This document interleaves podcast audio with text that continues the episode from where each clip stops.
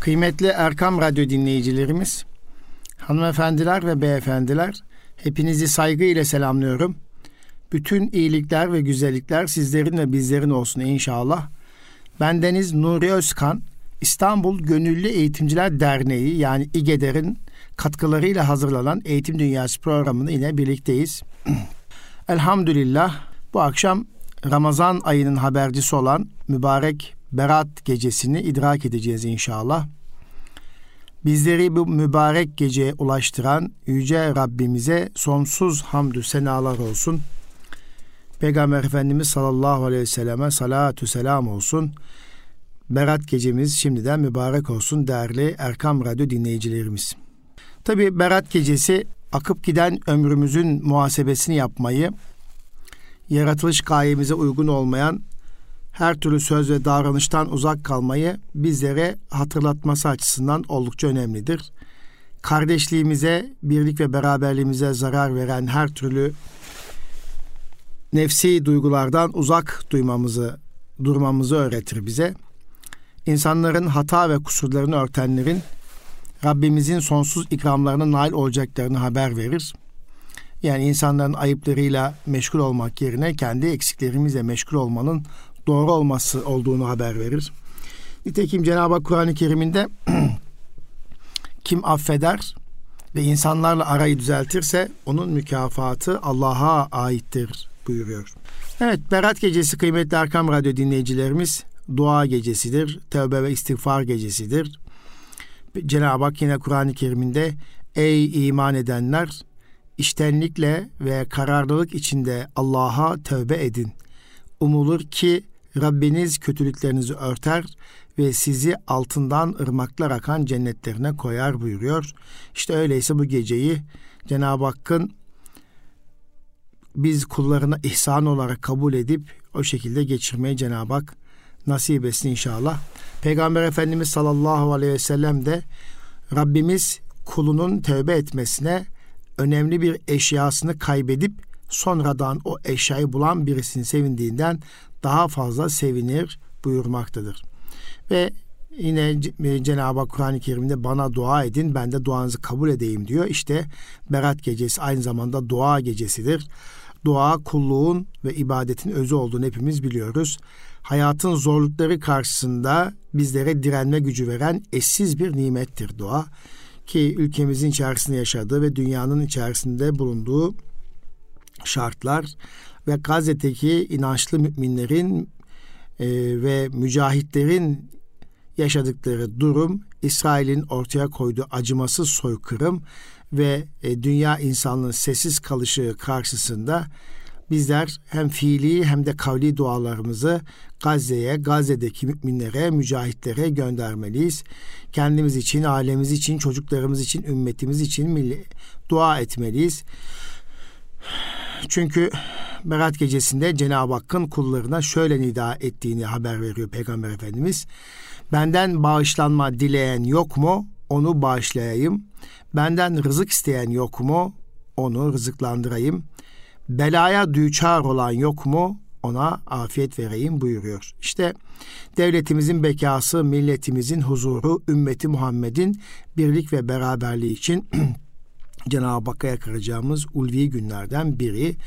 Gazze'liler için, mazlum e, coğrafyamız için, Doğu Türkistan için, Keşmir için, Arakan için e, ve bilumum e, zulüm altında olan, zalimlerin zulmü altında inleyen kardeşlerimiz için dua edeceğimiz bir gün Cenab-ı Hak beratını alanlardan nasip eylesin kıymetli Erkam Radyo dinleyicilerimiz. Evet, kıymetli Erkam Radyo dinleyicilerimiz bildiğiniz gibi çok sevindirici bir haberi bu hafta yaşadık. Türk Havacılık Uzay Sanayi si tarafından üretilen Kaan bugün bu hafta içerisinde uçuşunu gerçekleştirdi. Ve o günden bugünü de çarşamba günden bu tarafa da bütün televizyon kanallarında Kaan'la ilgili detaylı bilgiler aktarılıyor. Milli Muharip Uçağı olarak tasarlanan ve 2030'lu yıllardan itibaren kademeli olarak e, artık e, F-16'ların yerini alabilecek olan yurt içi imkan ve kabiliyetlerle tasarlanan ve geliştirilen bir savaş uçağının üretilmesi oldukça önemli, gerçekten önemli. Yeni nesil bir uçak, düşük görünürlük, dahili silah yuvası, yüksek manevra kabiliyeti, artırılmış durumsal farkındalık ve sensör füzyonu gibi füzyonu gibi teknolojik alanlarındaki kazanılacak kabiliyetlerle Türkiye elhamdülillah dünyada ABD, Rusya, Çin ve benzeri 5. nesil bir muharip uçağı üretebilecek bir altyapı ve teknolojiye sahip sınırlı sayıdaki ülkeler arasında yerini aldı.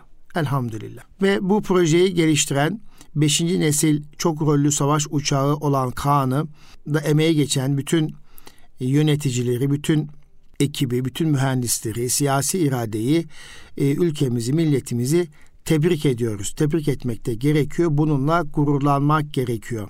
Ve 21 Şubat 2024 tarihinde gerçekleştirdiği uçuşla 13 dakika havada kaldı ve bu uçuşla 8000 fit irtifaya çıktı ve 230 not hıza ulaştı. Ve Kaan üstün hava hakimiyetiyle yeni silahlarla artırılmış havadan havaya muharebe menzili, yüksek süpersonik hızda dahili silah yuvalarına hassas ve tam vuruş, yapay zeka ve nöral ağ desteğiyle artırılmış muharebe gücüyle bu başarısını sağladı elhamdülillah. Şimdi bu çerçevede TUSAŞ'ı bir ele almak lazım. Gerçekten TUSAŞ'ı ziyaret etmek, gençlere, çocuklara oralara götürmek lazım. Ankara'da o tarihi günü yaşatan Kaan'ın üretildiği, üretiminin yapıldığı TUSAŞ'a e, lise öğrencilerini götürmek, gezdirmek oldukça önemli. Ki Kaan e, işte iki gündür televizyon kanallarında duy, duyuyoruz. F-35'ten daha üstün bir kabiliyete sahip bir milli muharip uçağı. Bu çok önemli ve uzunluğu 21 metre, kanat açıklığı 14 metre olan 5. nesil uçak Kaan. Şimdi e, TUSAŞ Türkiye'de önemli bir sektör dedim ya e, öğrencilerin lise öğrencilerin burayı gezmesi ve buradan ilham alması gerektiğini söyledim. Nitekim tekten okulları olarak bizler de salı günü TUSAŞ'ı gezdik. Ve gezdirdiler bize. İnanılmaz etkileyici bir havası var. Gezdiren, anlatan e, ve hikayesini paylaşan o rehber arkadaşımıza da teşekkür ederim. Çok güzel bir şekilde bizlerle ilgilendiler. TUSAŞ 28 Haziran 1973 tarihinde kuruluyor. Türkiye'nin savunma sanayinde dışa bağımlılığını azaltmak amacıyla zamanın Sanayi ve Teknoloji Bakanlığı bünyesinde kurulan bir kurum aslında. Ve Türk Hava Kuvvetleri'nin savaş uçağı ihtiyacının karşılanmasına yönelik olarak F-16 uçaklarının kullanılması kararıyla birlikte TUSAŞ kuruluyor aslında. F-16 uçağının üretimi uçak üzerindeki sistemlerin entegrasyonu ve uçuş testlerini yaparak hava kuvvetlerimize teslim etmek üzere TUSAŞ tarafından 1984 yılında TUSAŞ Havacılık ve Uzay Sanayi AŞ yani TAİ Türk ABD ortak yatırım şirketi olarak 25 yıllığına kuruluyor. 25 yıllık süreç tamamlanmadan ki elhamdülillah çok isabetli olmuş. 2005 yılında TAİ'nin yabancı hisseleri Türk hissedarlar tarafından satın alınarak şirket yeniden yapılandırılıyor. Bu kapsamda TAİ ve TUSAŞ birleşerek TUSAŞ Türk Havacılık ve Uzay Sanayi AŞ çatısı altında faaliyetlerini genişletti havacılık ve uzay sanayi sistemlerinin geliştirilmesi, modernizasyonu, üretimi, sistem entegrasyonu ve yaşam döngüsü destek süreçlerinde Türkiye'nin teknoloji merkezi konumuna geldiğini biz de elhamdülillah o gezimizde çocuklarımızla birlikte şahit olduk. İnanılmaz bir motivasyonla e, şehrimize Kayseri'ye döndük kıymetli Erkam Radyo dinleyicilerimiz. E, havacılık ve uzay sanayisinde küresel ilk 100 oyuncu arasında Türkiye bu vesileyle yer aldı yer almaya da devam edecek Allah'ın izniyle. Havacılık ve yapısalları grubu, uçak grubu, helikopter grubu, insansız hava aracı sistemleri grubu, uzay sistemleri grubu, milli muharip uçak grubu ve mühendislik grubu olmak üzere 6 stratejik iş merkezi bünyesinde e, Türk Havacılık ve Uzay Sanayi e, örgüt, örgütlenmiş durumda ve bununla ilgili çok ciddi e, bir şekilde çalışmalar yapılıyor. Ve e, yüzde elli buçu e, TUSAŞ Motor Sanayi AŞ'ye ait olan diğerleri diğer e, çözüm ortaklarına oluşan bir şirket TUŞAS. E, ya şimdi bu yerli ve milli uçak sanayisinin ve savunma sanayisinin gelişiyor olması oldukça kıymetli. En basit örnek şu an içinde bulunduğumuz e, ortamda birkaç yıldır şunu duyuyoruz. F-35'leri Amerika bize S-400 satın aldık diye vermedi. Parasını ödediğimiz halde bize ödemedi bize geri uçaklarımızı vermedi ve paramızı da ödemedi. Bunun bunu bu bu ve buna benzer hadiseleri e, defaatlerce yaşadık. Kanada e, insansız hava araçlarının kameralarını bize göndermedi. Ama biz elhamdülillah insansız hava araçlarının artık kendi kameramızı üretiyoruz. E, işte Kıbrıs Barış Harekatı'nda da Amerikalılar bize silahlar göndermedi. Ee, ve bizi e, mağdur etti, ambargo uyguladı. Bunu da biliyoruz. İşte bütün bunları dikkate aldığımızda kıymetli Erkam Radyo dinleyicilerimiz gerçekten e, çok önemli e, sivil e, hava sanayisindeki bu gelişmeler oldukça kıymetlidir. Ben bu anlamda emeği geçen herkesi tebrik ediyorum. E, yönetim kurulunu tebrik ediyorum. E, mühendislerimizi tebrik ediyorum ve e, siyasi iradeyi güçlü bir şekilde tebrik ediyorum kıymetli Erkam Radyo dinleyicilerimiz. Tabii dün akşam e, yine televizyon kanallarını izlerken e, beni çok duygulandıran bir şey oradaki mühendislerin e, Kaan e, geri döndüğündeki e, çalışanların her birinin e, pistteki ko- Kaan'a doğru koşmaları ve birbirlerini alkışlamaları, birbirlerini kucaklamaları, birbirlerini takdir etmeleri, motive etmeleri beni beni çok etkiledi. Hatta orada bir mühendis motivasyon kaynağını e, çok güzel bir şekilde özetledi. E, dedi ki e, Türk milletinin değerli evlatları yataklarında rahat uyuyabilsinler, çocukları rahat büyüyebilsinler ve uyudukları yataklardan sabah kalkabilsinler diye bizim gibi burada çok değerli mühendislerimiz e, askerimizin, polisimizin elini güçlendirmek ve vatandaşımızın can sağlığını, mal sağlığını korumak için uykusuzca, fedakarca e, çalışıyoruz. E, koltuklarımızda uyuduğumuz günlerimiz oluyor. Bizim motivasyon kaynağımız bu diye çok duygulu bir şekilde anlatmıştı. Yine e, genel müdür ki çok tecrübeli, deneyimli bir, bir genel müdür Temel Kotil Bey. E, yani gerçekten e, takdir ediyorum. Orada mühendisleriyle birlikte, e, işçileriyle birlikteki kucaklaşmasını takdir ediyorum ki e, Temel Bey de gerçekten uçak mühendisliği alanında sahasında tecrübeli, deneyimli birisi. Yıllardır İstanbul Teknik Üniversitesi'nde Uçak ve Uzay Bilimleri Fakültesi'nde e, hocalık yapmış, yöneticilik yapmış çok değerli bir hocamız. E, ve Türk Hava Yolları'nda da uzun yıllar e, çalıştı ve orada da Türk Hava Yolları'nda da Türk Hava Yolları'nın gelişimi çok ciddi katkıda bulunan çok değerli bir bürokrat bana göre.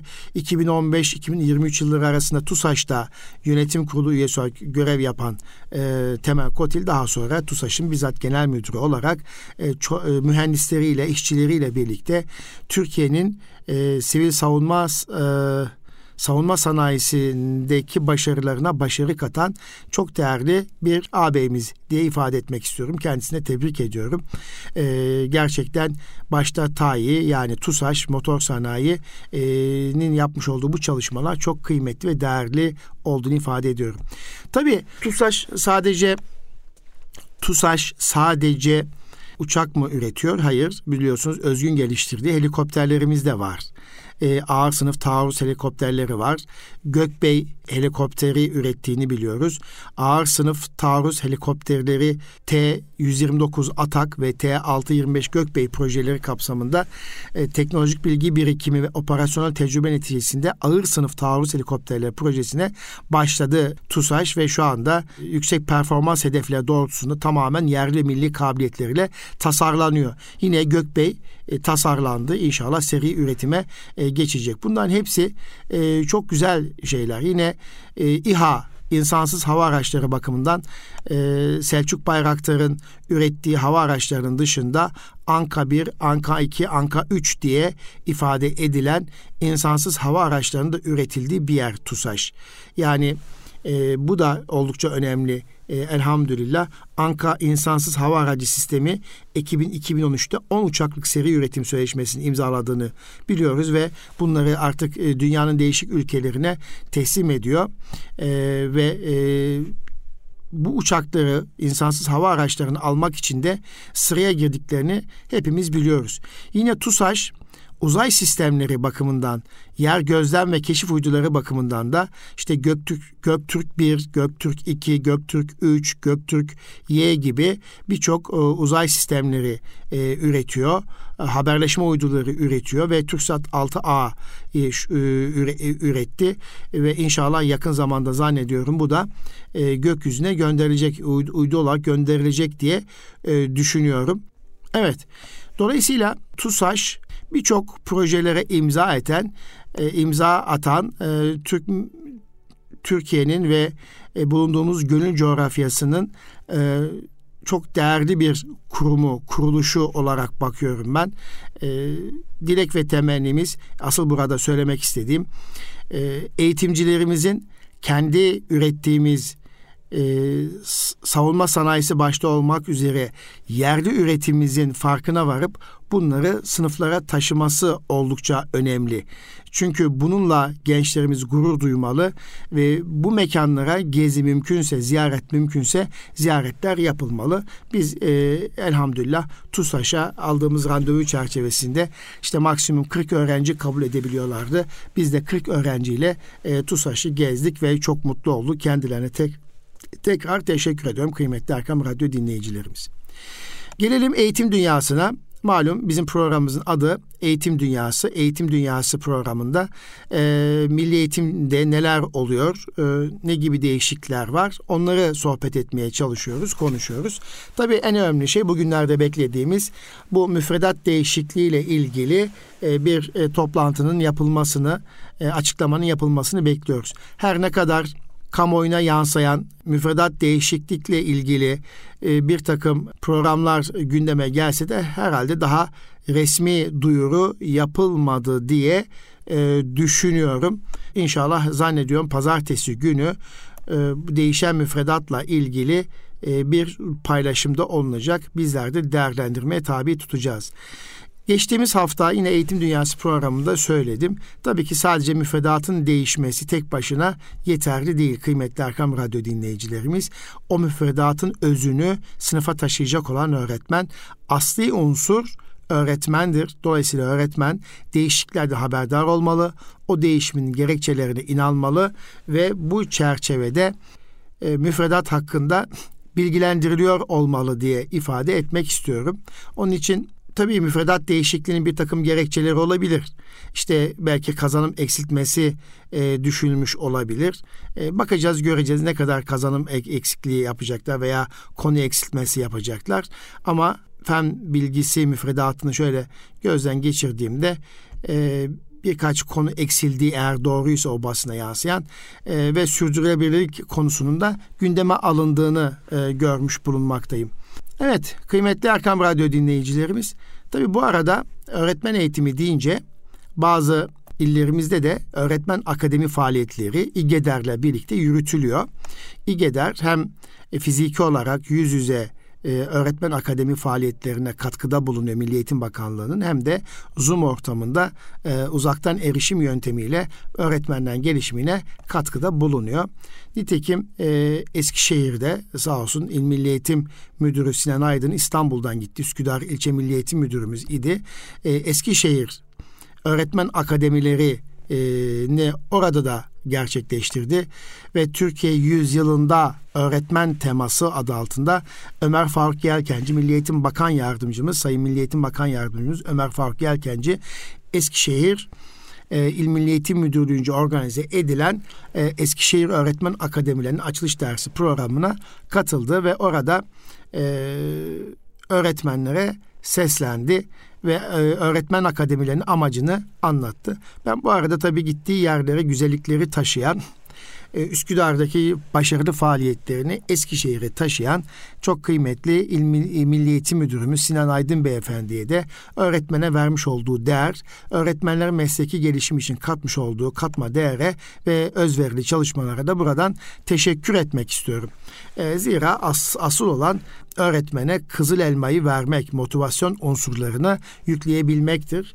E, bunun için her ilde e, öğretmen akademileri, eğitim yöneticisi akademisi ve sanat akademileri muhakkak kurulmuş olmalı kıymetli Erkam Radyo dinleyicilerimiz. Evet, burada da e, bakıyorum e, güzel bir organizasyon yapmışlar. E, Milli Bakanlığı sitesine bakıyorum. Eskişehir Öğretmen Akademileri olarak yapmış oldukları organizasyonda salonun ortamı, e, dizaynı, öğretmenin kendisini değerli hissedeceği şekliyle organize edilmiş. E, bunun için de yine İl Milli Eğitim Müdürlüğü'nü tebrik ediyorum, takdir ediyorum kıymetli Erkam Radyo dinleyicilerimiz. Evet, evet kıymetli Erkam Radyo dinleyicilerimiz bu arada İGEDER tabii ki boş durmuyor. İGEDER gelecekte öğretmen olacak eğitim fakültesinde okuyan öğretmenlerimiz için geleceğin öğretmeni adı altında eğitim programlarını Zoom'dan devam ettiriyor ve o genç kardeşlerimize birlikte etkinlikler planlıyor. Zaman zaman yüz yüze bir araya gelmek suretiyle etkinlikler planlıyor. Ee, ben Deniz'de inşallah önümüzdeki hafta bu gençlere e, online olarak sesleniyor olacağım ve öğretmenin e, kişisel e, motivasyonu ile alakalı ve öğretmenlik sanatı üzerine bir sunum gerçekleştireceğim. Bu meslek öğretmenlik mesleği adam adamın gölgesinde yetişir. Hesabınca e, ilkesi çerçevesinde daha doğrusu genç öğretmenlerimiz gelecekte öğretmen olmak isteyen meslektaşlarımıza iyi bir vizyon, iyi bir e, bakış açısı, iyi bir motivasyon kaynağı yüklenmiş olmamız lazım ki inşallah onlar da talebelerimizi e, havaya uçursunlar e, geliştirsinler, inkişaf ettirsinler. Nasıl Kaan gökyüzüne oluştu, gökyüzüyle buluştu. Hepimiz mutlu olduk. Oradaki mühendisler motivasyon kaynağını biraz önce ifade ettim. Aynı şekilde iyi bir öğretmenin çocuklara bakışındaki motivasyon kaynağı da eğitimin kalitesini şüphesiz artıracaktır, belirleyecektir. Bunun için e, İGEDER'in e, geleceğin öğretmeni adı altında yapmış olduğu bu özverili, gayretli çalışmaları da tek, takdir ediyorum. E, bu arada formatör eğitimi e, sayısını, for, formatörlerin eğitimci sayılarını artırmak için de İGEDER kendi arasında çok ciddi organizasyonlar yapıyor. Evet. Kıymetli Erkam Radyo dinleyicilerimiz tabii Milli Eğitim Bakanlığı PISA 2022 Türkiye sonuçları raporu açıklandıktan sonra da bu dört temaya ilişkin dört e, Türkçe e, okuma, matematik okuryazarlığı, fen okuryazarlığı e, ve diğer alanlarda özellikle dil becerileri bakımından e, Türkiye'de ölçme değerlendirme sistemini çek etme, kontrol etmek açısından e, çalıştay düzenlendi. Ölçme Değerlendirme ve Sınav Hizmetleri Genel Müdürü e, Sayın Kemal Bülbül tarafından organize edilen bu çalıştayda Türkiye'nin ölçme değerlendirme alanındaki sıkıntıları paylaşılarak e, daha iyi bir adil ölçme ve değerlendirme çalışmalar nasıl yapılır? E, Türkiye'nin geliştirmiş olduğu ABİDE, okul tabanlı izleme, PISA, TIMS ve biçimlendirici değerlendirme çalışmalarıyla ilgili daha nitelikli, kaliteli bir çalışma ortaya nasıl konulur ve okullarda bunlar nasıl uygulanabilir? Bununla ilgili akademisyenlerin, uzmanların katıldığı e, bir e, çalıştay gerçekleştirdiğini duydum. Tabii ki ölçemediğiniz bir şeyi geliştiremezsiniz. Eğitim öğretimde de ölçme ve değerlendirme oldukça kıymetlidir, değerlidir. Bunun için de ölçme çalışmalarımızı bizim e, çok sağlıklı bir şekilde yapabiliyor olmamız gerekir. E, ölçtüğümüz bir şeyi de değerlendirip yeniden e, hatalarımızı, yanlışlarımızı ortaya koyacak bir performansı da gerçekleştirmek gerekiyor. Bunun için bence Türkiye'de çok ciddi e, ölçme e, e, çalışmaları var ama ölçme zaafları da var. Çünkü ölçtüğümüz bir şeyi değerlendirip iyileştirme e, yani reçetelerini ortaya koymuyoruz. Onun için bence bu çalıştay da çok kıymetli, çok değerli bir çalıştay. Kendisine de teşekkür ediyorum. İnşallah çalıştayın sonuçlarının da ülkemiz için hayırlar getirmesini e, diliyorum. E, önemli e, ve farklı akademisyenlerin katıldığı bu çalıştayda yaş gruplarına uygun, okul türlerine uygun bir ölçme çalışmasının çıkacağından da e, eminim çağın ihtiyaç duyduğu yaşlarına uygun çocukların e, sosyal, duygusal ve gelişimlerine uygun bir ölçme çalışması e, kıymetli. Çünkü çok yarıştırmacı bir toplumuz. E, çocuklarımızı sürekli e, büyük bir oranda akademik olarak yarıştırıyoruz ama e, çocuklarımızın birçok kabiliyetleri, kapasiteleri var. E, birçok e, ilgi ve, ve yetenek alanları mevcut. Önemli olan bu alanları keşfedip bu çerçevede çocuklarımızı e, ilgi duyduğu ve güçlü olduğu alanlar doğrultusunda geliştirmek gerekir.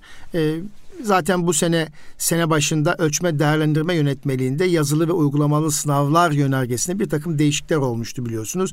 Özellikle ilkokul 1, 2, 3 ve 4. sınıflarda öğrencilerin akademik ve sosyal gelişiminin takibi e, gerçekleştirilecek etkinlikleri değerlendirerek yapılması noktasında bir yönerge, bir yönetmelik yayınlanmıştı. Ancak içeriği tam doldurulmamıştı. Bu sınıf içi ölçmede öğrencilerin gözlemleri nasıl yapılacak, gelişimleri nasıl ortaya konulacak ve bu konuda e, hala bir değerlendirmeye ihtiyaç var. Belki ortaya daha somut, daha e, bilimsel kriterlere ihtiyaç var. Bir de bu değerlendirme yaptıktan sonra öğrenciye geri bildirim nasıl verilecek? Bu da çok önemli. Öğrenci gelişiminin bir sistem içerisinde not verilmeden belirli aralıklarla ölçülmesi gerekiyor. Bu nasıl ölçülecek?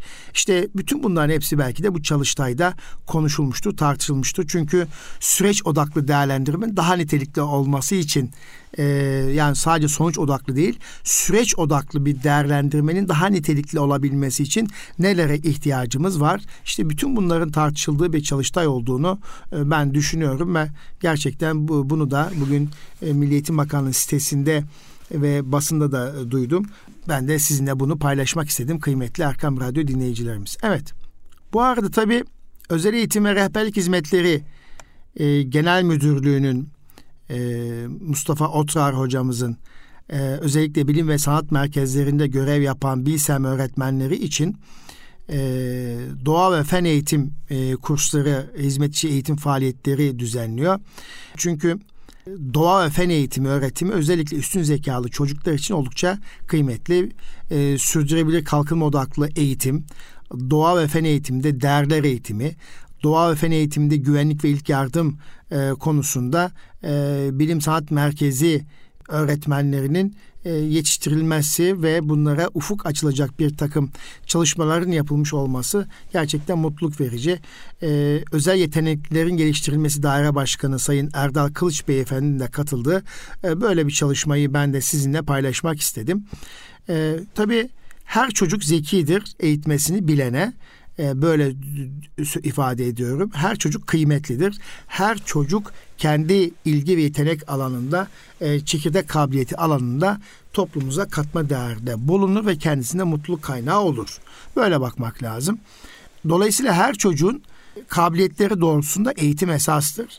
E, alt grup çocuklarımız için nasıl ki ciddi bir şekilde devletimiz yatırım yapıyor, ailelere destek oluyor. Özel eğitim bedelleri ödüyorsa üstün zekalı çocuklarımız ve e, başta olmak üzere bunların okullarına e, ciddi katkıda sunmalı. Ailelerine destekte olmalı devletimiz. E, bu konuda hala eksikliğimizin olduğunu ben bir kez daha buradan ifade etmek istiyorum. Evet, kıymetli Erkam Radyo dinleyicilerimiz bugün Eğitim Dünyası programında e, Berat Kandili'nden başladık. Daha sonra e, ülkemizin ve milletimizin ve e, gönül coğrafyamız için gurur kaynağı olan ve gökyüzüyle buluşturduğumuz milli muharip uçağımız Kaan'dan bahsettik ve bunun ardından TUSAŞ'a gençlerimizi e, ziyarete götürmenin gençlerimizde ufuk açması bakımından oldukça önemli olduğunu vurguladık ve TUSAŞ gibi e, bu tip e, kuruluşların e, Milli Eğitim Bakanlığı ile imzaladığı protokol çerçevesinde okullara üniversitelerin ve okulların bu mekanları gezmesi için açık projeler üretmeleri gerektiğini buradan ifade ediyorum. Çünkü Türkiye'nin gücünü bu gençler fark etmiş olmalı, uygulamaları fark etmiş olmalı. Biz de tekten okulları olarak TUSAŞ'a ziyaret ettik ve çok mutlu olduk. Bir kez daha TUSAŞ yetkililerine ve bizi gezdiren rehber arkadaşımıza, ev sahipliği yapan arkadaşımıza herkese teşekkür ediyorum. Ee, daha sonra öğretmen akademilerinden bahsettik ve Eskişehir İl Milli Eğitim Müdürlüğü'nün organize ettiği öğretmen akademileri için Sayın Milli Eğitim Müdürü Sinan, Sinan Aydın Beyefendi'yi tebrik ettik, takdir ettik. Oraya e, Bakan Yardımcımız Sayın Ömer Faruk Yelkenci Bey'in katıldığını ve akademinin açılışı yapıldığını ifade etmiş olduk. Ve e, eğitimde ölçme çok değerli. Ölçemediğiniz bir şeyi geliştiremezsiniz. Türkiye'nin eğitim sisteminde ölçme ve değerlendirme sisteminin normlarının daha iyi, daha kaliteli olabilmesi ve süreç odaklı niteliklerin artırılabilmesi için de değerlendirme ihtiyacı vardı. Bunun için de Ölçme ve Değerlendirme Genel Müdürü Sayın Kemal Bülbül Beyefendi'nin yapmış olduğu çalıştayları sizlerle paylaştık. Ve İGEDER'imizin e, öğretmenlerimizin mesleki gelişimi için sunduğu katkıların devam ettiğini, özellikle gelecekte öğretmen olacak genç kardeşlerimiz için özel programlar hazırladığını ve organize ettiğini ifade ederek İGEDER'e ve İGEDER'in yönetim kuruluna buradan teşekkür ediyoruz. Evet, Tekrar Berat Kandiliniz mübarek olsun efendim. Bir sonraki eğitim programında buluşmak dileğiyle kalın sağlıcakla Rabbime emanet olunuz.